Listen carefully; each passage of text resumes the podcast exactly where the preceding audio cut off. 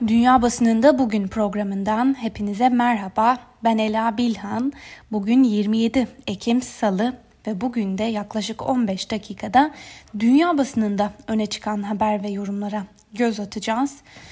Bugün bültenimize Fransa-Türkiye arasında yaşanan gerilimin yankıları, boykot çağrıları ve e, özellikle de TL'nin değer kaybının dünya basınında nasıl görüldüğüne, nasıl yorumlandığına ilişkin birkaç haberle başlayalım.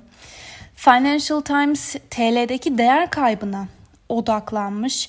Türkiye'de bu konuda aslında aktarılan haberlerde genel olarak e, dolar 8'e yükseldi ifadelerini görüyoruz. Fakat Financial Times bugün tam tersini yapmış. Şöyle diyor. Türk lirası ABD doları karşısında ilk kez 8 liraya kadar değer kaybetti. Fransa ve ABD ile ilişkilerin gerilmesi, Erdoğan'ın ekonomiyi nasıl idare ettiği konusundaki endişeleri de arttırıyor. Gazeteye konuşan uzmanlar hükümetin doları belirli bir seviyede tutmak için son 18 ayda 134 milyar doları harcamasının da Türkiye'de büyük endişelere yol açacağı fikrini savunuyorlar. The Arab News da TL'nin değer kaybını şu başlıkla duyurmuş. Erdoğan Fransa'yı boykot çağrısında bulunurken Türk parası dolar karşısında 8 liraya düştü.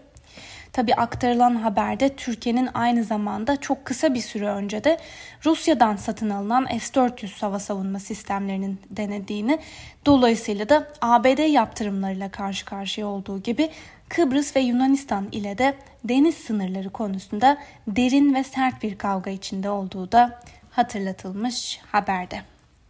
TL'deki değer kaybını gündemine taşıyan Alman Frankfurter Allgemeine Zeitung gazetesi ise şu anda eldeki e, bu mevcut tabloyu değiştirecek herhangi bir verinin olmadığı görüşünü de savunuyor. Peki Türkiye ve Fransa arasında e, gerilen ilişkiler nasıl değerlendiriliyor? Le Monde bugün Türkiye Cumhurbaşkanı Recep Tayyip Erdoğan'a Macron'a şiddetle saldırıyor diye yazarken Le Monde'un son gelişmeleri değerlendirdiği bir diğer yorumda şöyle. İki ülke arasında yani Fransa ve Türkiye arasında çeşitli jeopolitik cephelerde yaşanan gerginliklerin ortasında Türkiye Cumhurbaşkanı'nın e, Fransız mevkidaşı Macron'un aleyhine dillendirdiği söylem ve boykot çağrısıyla karşı karşıya olan Paris ile dayanışmanın ifade edilmesi bu dönemde önemlidir. Le Figaro dün dikkat çeken bir başlıkla hem son yaşanan gerilimi hem de Türkiye'nin ve Arap ülkelerinin boykot kararını şu sözlerle aktarmıştı. Erdoğan İslamcıları Fransa'ya karşı harekete geçiriyor. Gazeteye Erdoğan'ın Macron'u kişisel olarak hedef almaya devam ettiği gibi Müslüman dünyasını da Fransa'ya karşı boykot için harekete geçirdiğini yazdı ve Le Monde'un dün bu konuda aktardığı yorumu da kısaca hatırlayalım. Le Monde gazetesi şu değerlendirmeyi yapmıştı. Emmanuel Macron ile Recep Tayyip Erdoğan arasında ilişkiler hiçbir dönemde bu kadar kopmamıştı. Fransa Cumhurbaşkanı'nı İslamofobinin iyi bir örneği olarak sunmak Erdoğan'ın popülaritesini arttırmak için kullanmayı sevdiği taktiklerden biri demişti. Le Monde gazetesi ve El Cezire ise son yaşanan gelişmeleri şöyle duyurdu. Birkaç Arap gıda şirketi Cumhurbaşkanı Emmanuel Macron'un İslam ile ilgili yorumlarından sonra süper, süpermarketlerinde Fransız ürünlerine yönelik bir boykot kampanyası başlattı ve bu ürünlerin satışını durdurdu. İsrail basınından Haaretz'te son gelişmeleri Erdoğan merkezli olarak şu sözlerle değerlendiriyor. Erdoğan Türkiye'nin yükselen yıldızı olduğu yeni bir dünya düzeni planlıyor. Uluslararası politikada Erdoğan'ın iradesini esnetecek bir dönüş ümit eden herkes yüksek sesle şu net mesajı aldı. Türkiye her yerde olacak ve onu kimse durduramayacak diye yazmış Haaretz. Deutsche Welle'nin aktardığı haberde ise Almanya Dışişleri Bakanı Heiko Maas'ın Fransa Cumhurbaşkanı Macron hakkındaki sözlerinden ötürü Erdoğan'ı kınadığı belirtiliyor. Maas bunun yeni bir dip noktaya işaret ettiğini de söyledi ve öbür taraftan Alman hükümeti Erdoğan'ın Macron'la ilgili açıklamalarını kabul edilemez diyerek kınadı. Hükümet sözcüsü Stefan Seibert bunun özellikle de arka planında İslamcı bir fanatik tarafından işlenen cinayetin bulunması sebebiyle kabul edilemez olduğunu ifade etti.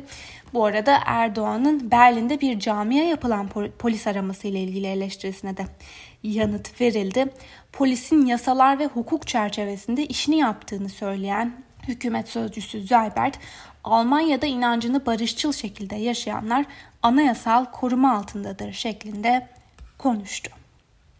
Peki Amerikan basınının gündeminde ne var?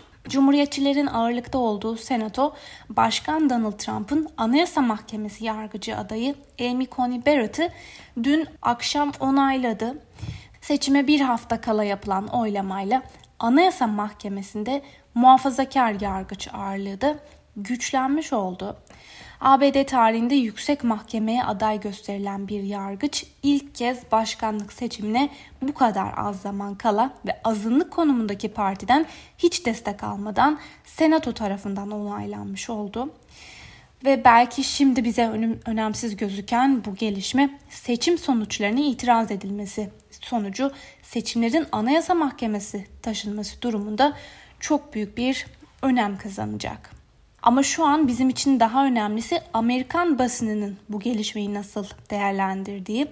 Örneğin Voice of America ilk olarak bu konuyla ilgili şu değerlendirmeyi yapıyor. Barrett'ın adaylığının onaylanması Obamacare olarak bilinen hesaplı sağlık hizmetleri yasası ve seçim sonrası yaşanabilecek olası anlaşmazlıklar konusunda yeni bir dönem başlatabilir diyor. Ve New York Times'ın gündemine oturan bu haberde şu sözlerle aktarılmış. Mahkemenin karar yönünü değiştirecek olan Barrett dün yemin etti. Senato, Senato'da Barrett'ın adaylığı için verilen oylar Trump'ın adayı konusundaki bölünmenin acı bir örneği niteliğindeydi. Çünkü Senato Barrett'ın adaylığını 48'e karşı 52 oyla onayladı ve seçimlere 7 gün kalmışken yıldırım hızındaki bu senato onayı Trump'a önemli bir zafer kazandırdı. Sürecin etkisi ve sonucu hemen hissedilecektir. Önümüzde çok önemli bir seçim konusunda muhtemelen müdahale gerektirecek büyük bir anlaşmazlık var diyerek 3 Kasım'da yapılacak seçimlere işaret ediyor New York Times gazetesi. Gazetenin yorum köşesinde ise önemli bir değerlendirme yapılmış. Yorumda Anayasa Mahkemesi kelimesinin yerine Cumhuriyetçi Parti'nin Yüksek Mahkemesi ifadesi kullanılıyor. Ülkenin en yüksek mahkemesinde siyasi muhafazakarlığı sağlamlaştırma çabasının çok büyük bir maliyeti ve ağır bir bedeli var.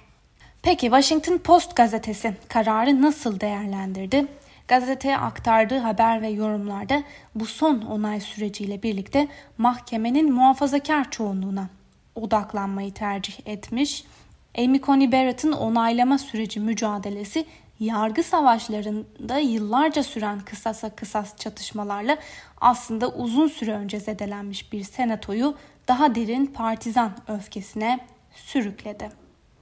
Gazeteden Petula Dvorak ise mahkemede siyah kadın bir yargıç hayali kurmak için artık çok mu geç diye sorarken gazeteden Paul Kane ise öfkeli demokratların Barrett'ın onay sürecini takip ederken sağlık hizmetlerine odaklanmaya çalıştıklarına işaret etmiş ve bunun sebebi de aslında Barrett'ın Anayasa Mahkemesi'nde Obamacare olarak bilinen hesaplı sağlık hizmetleri yasası ile ilgili yeni bir dönemi başlatabileceği konusundaki endişeler. Burada küçük bir parantez açalım çünkü İngiliz Independent'ın da gündemine oturan bu gelişme şöyle değerlendirilmiş. Barrett'ın onaylığı seçim sonrası kritik bir rol oynayabilir. Bu arada yüksek mahkeme kanadında bu gelişmeler yaşanırken iki aday Donald Trump ve Joe Biden'da son haftaya girilmişken seçim kampanyaları için bir kez daha gaza bastılar. ABD'de seçimlere 7 gün kala adaylar kampanya çalışmalarını da yoğunlaştırdı. Trump'ın seçimden önceki 48 saat içinde tam 11 miting yapması bekleniyor ve Biden ise son haftada Biden koalisyonu olarak adlandırdıkları siyah ve Latin kökenli seçmenlerin yanı sıra kırsal kesimde yaşayan üniversite eğitimli beyaz kadın ve yaşlı seçmenlerin oyunu da almaya çalışacak. Bültenimize İngiliz basınıyla devam edelim. İngiliz Independent'ın ABD'ye ilişkin önemli bir haberine göz atalım. Sonra İngiliz gazetelerinin ilk sayfasına göz atacağız. ABD başkanlık seçimleri süreci aşırı sağcı bir grup yarattı başlıklı Independent'ın haberine göre son dönemde ABD'de protestolar farklı bir karaktere bürünmeye başladı. Protestoların büyük bir bölümünde şiddetli olaylara sıkça rastlanır bir hal alırken ülkede silah satışları da artıyor. Fikirlerinde aşırı sağ ve sol eğilimli olan söz konusu grupların ve bireylerin ellerinde bol miktarda silah bulunması nedeniyle bu grupların milislere dönüşeceğinden endişe ediliyor. The Daily Telegraph'ın manşetinde bugün ilginç bir araştırmanın sonucu var. Buna göre Covid-19'a karşı bağışıklık yalnızca birkaç ay sürüyor olabilir. Dolayısıyla bu araştırma sonucu antikor üretimini sağlayacak olan potansiyel başarılı bir aşının piyasaya sürülmesini de engelleyebilir. Imperial College London tarafından yapılan ve 365 bin kişinin katıldığı çalışmada antikor seviyesinin 3 ayda dörtte bir oranından fazla azaldığı tespit edildi. Yani bu sonuç başarılı bir aşı bulunması durumunda bile kişilerin yılda iki kez aşı olması gerekebileceği anlamına da gelebilir. The Guardian ve Times'ın manşetinde milletvekillerinden hükümete gelen bir uyarı var. Guardian'ın aktardığı habere göre bir grup milletvekili hükümetin İngiltere'nin kuzey için aldığı önlemlerin seviyesini yükseltme kararı ile ilgili endişelerini dile getiriyorlar.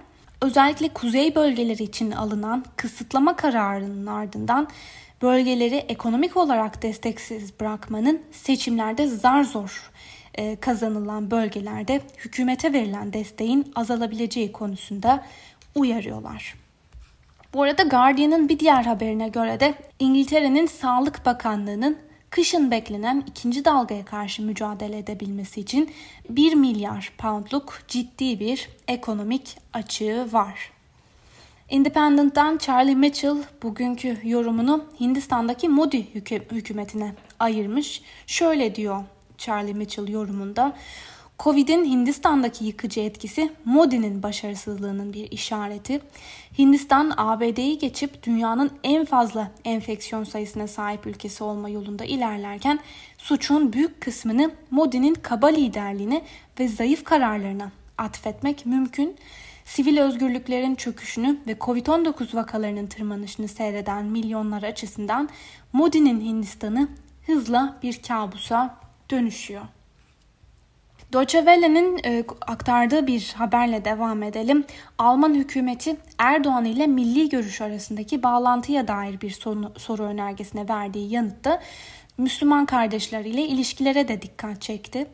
Almanya'da İç İstihbarat Birimi Anayasayı Koruma Teşkilatı tarafından izlenen milli görüş Müslüman Kardeşler Örgütü'yle de ilişkilendiriliyor.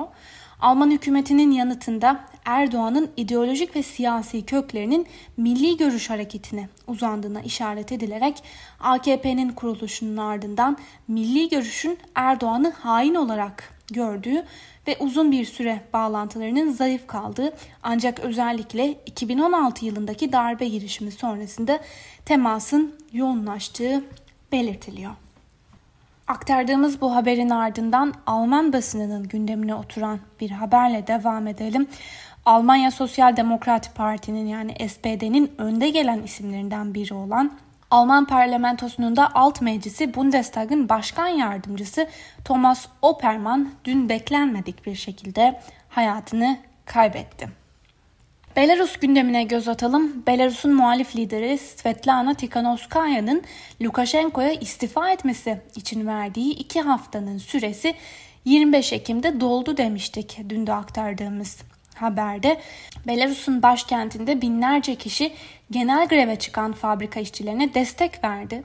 Aralarında öğrenciler ve emeklilerin de bulunduğu binlerce kişi muhalefetin öncülük ettiği grev çağrısına destek verdi. Euronews'un haberine göre başkentin merkezinde birçok kafe ve restoran kepenk kapattı.